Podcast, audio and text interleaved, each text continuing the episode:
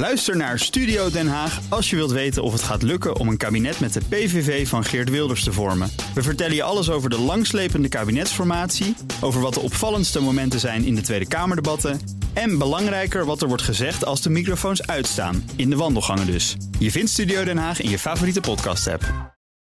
De column van Jaap Jansen. Bij de VVD zijn ze door het dolle heen. Op jongerenplatform TikTok prijst partijleider Mark Rutte het enige echte VVD-stickeralbum aan. Met plaatjes van VVD-corifeeën. Van oprichter Pieter Oud tot minister Tamara van Ark. Gegroepeerd als een voetbalelftal. Met gek genoeg de vertrokken fractievoorzitter Klaas Dijkhoff als spelverdeler. Te gek, gaaf.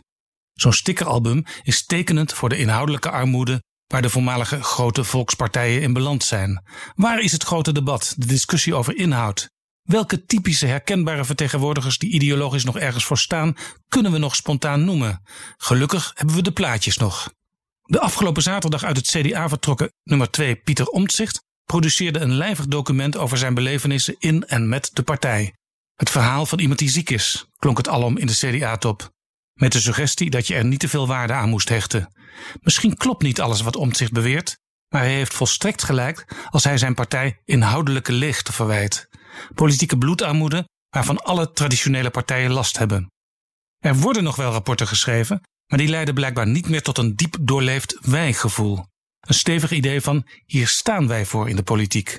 In de Partij van de Arbeid, waar ze sinds de oprichting in 1946 boekenkasten volschreven over de partij en haar koers, hebben ze na de tweede verkiezingsnederlaag op rij, van negen zetels naar negen zetels, zelfs afgezien van het instellen van een commissie die naar goed gebruik altijd de campagne en de uitslag evalueert. In de kabinetsformatie draaien de partijen rondjes om de tafel bij informateur Mariette Hamer. Gek genoeg lijkt Hamer ondertussen al een ruime parlementaire meerderheid te hebben verzameld achter een herstel- en transitieprogramma. Maar echt met elkaar gaan praten over coalitievorming, dat durven partijen nog niet. Want dan wordt het te links of te rechts of juist niet progressief of stabiel genoeg. Dat krijg je als je zelf niet meer precies weet waar je partij voor staat en hoe je een akkoord straks bij je achterban moet verdedigen. Kort na zijn aantreden als VVD-leider schreef Mark Rutte een nieuw beginselprogramma. Daarover hoor je in de VVD nooit meer iemand.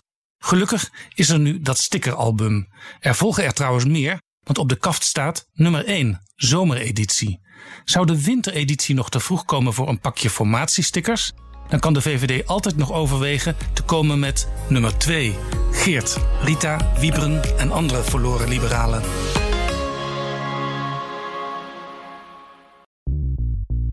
BNR ben je altijd als eerste op de hoogte van het laatste nieuws. Luister dagelijks live via internet. Bas van Werven. En heel langzaam komt de zon op rond dit tijdstip. Je krijgt inzicht in de dag die komt op BNR, het Binnenhof in Nederland en de rest van de wereld. De Ochtendspits. Voor de beste start van je werkdag. Blijf scherp en mis niets.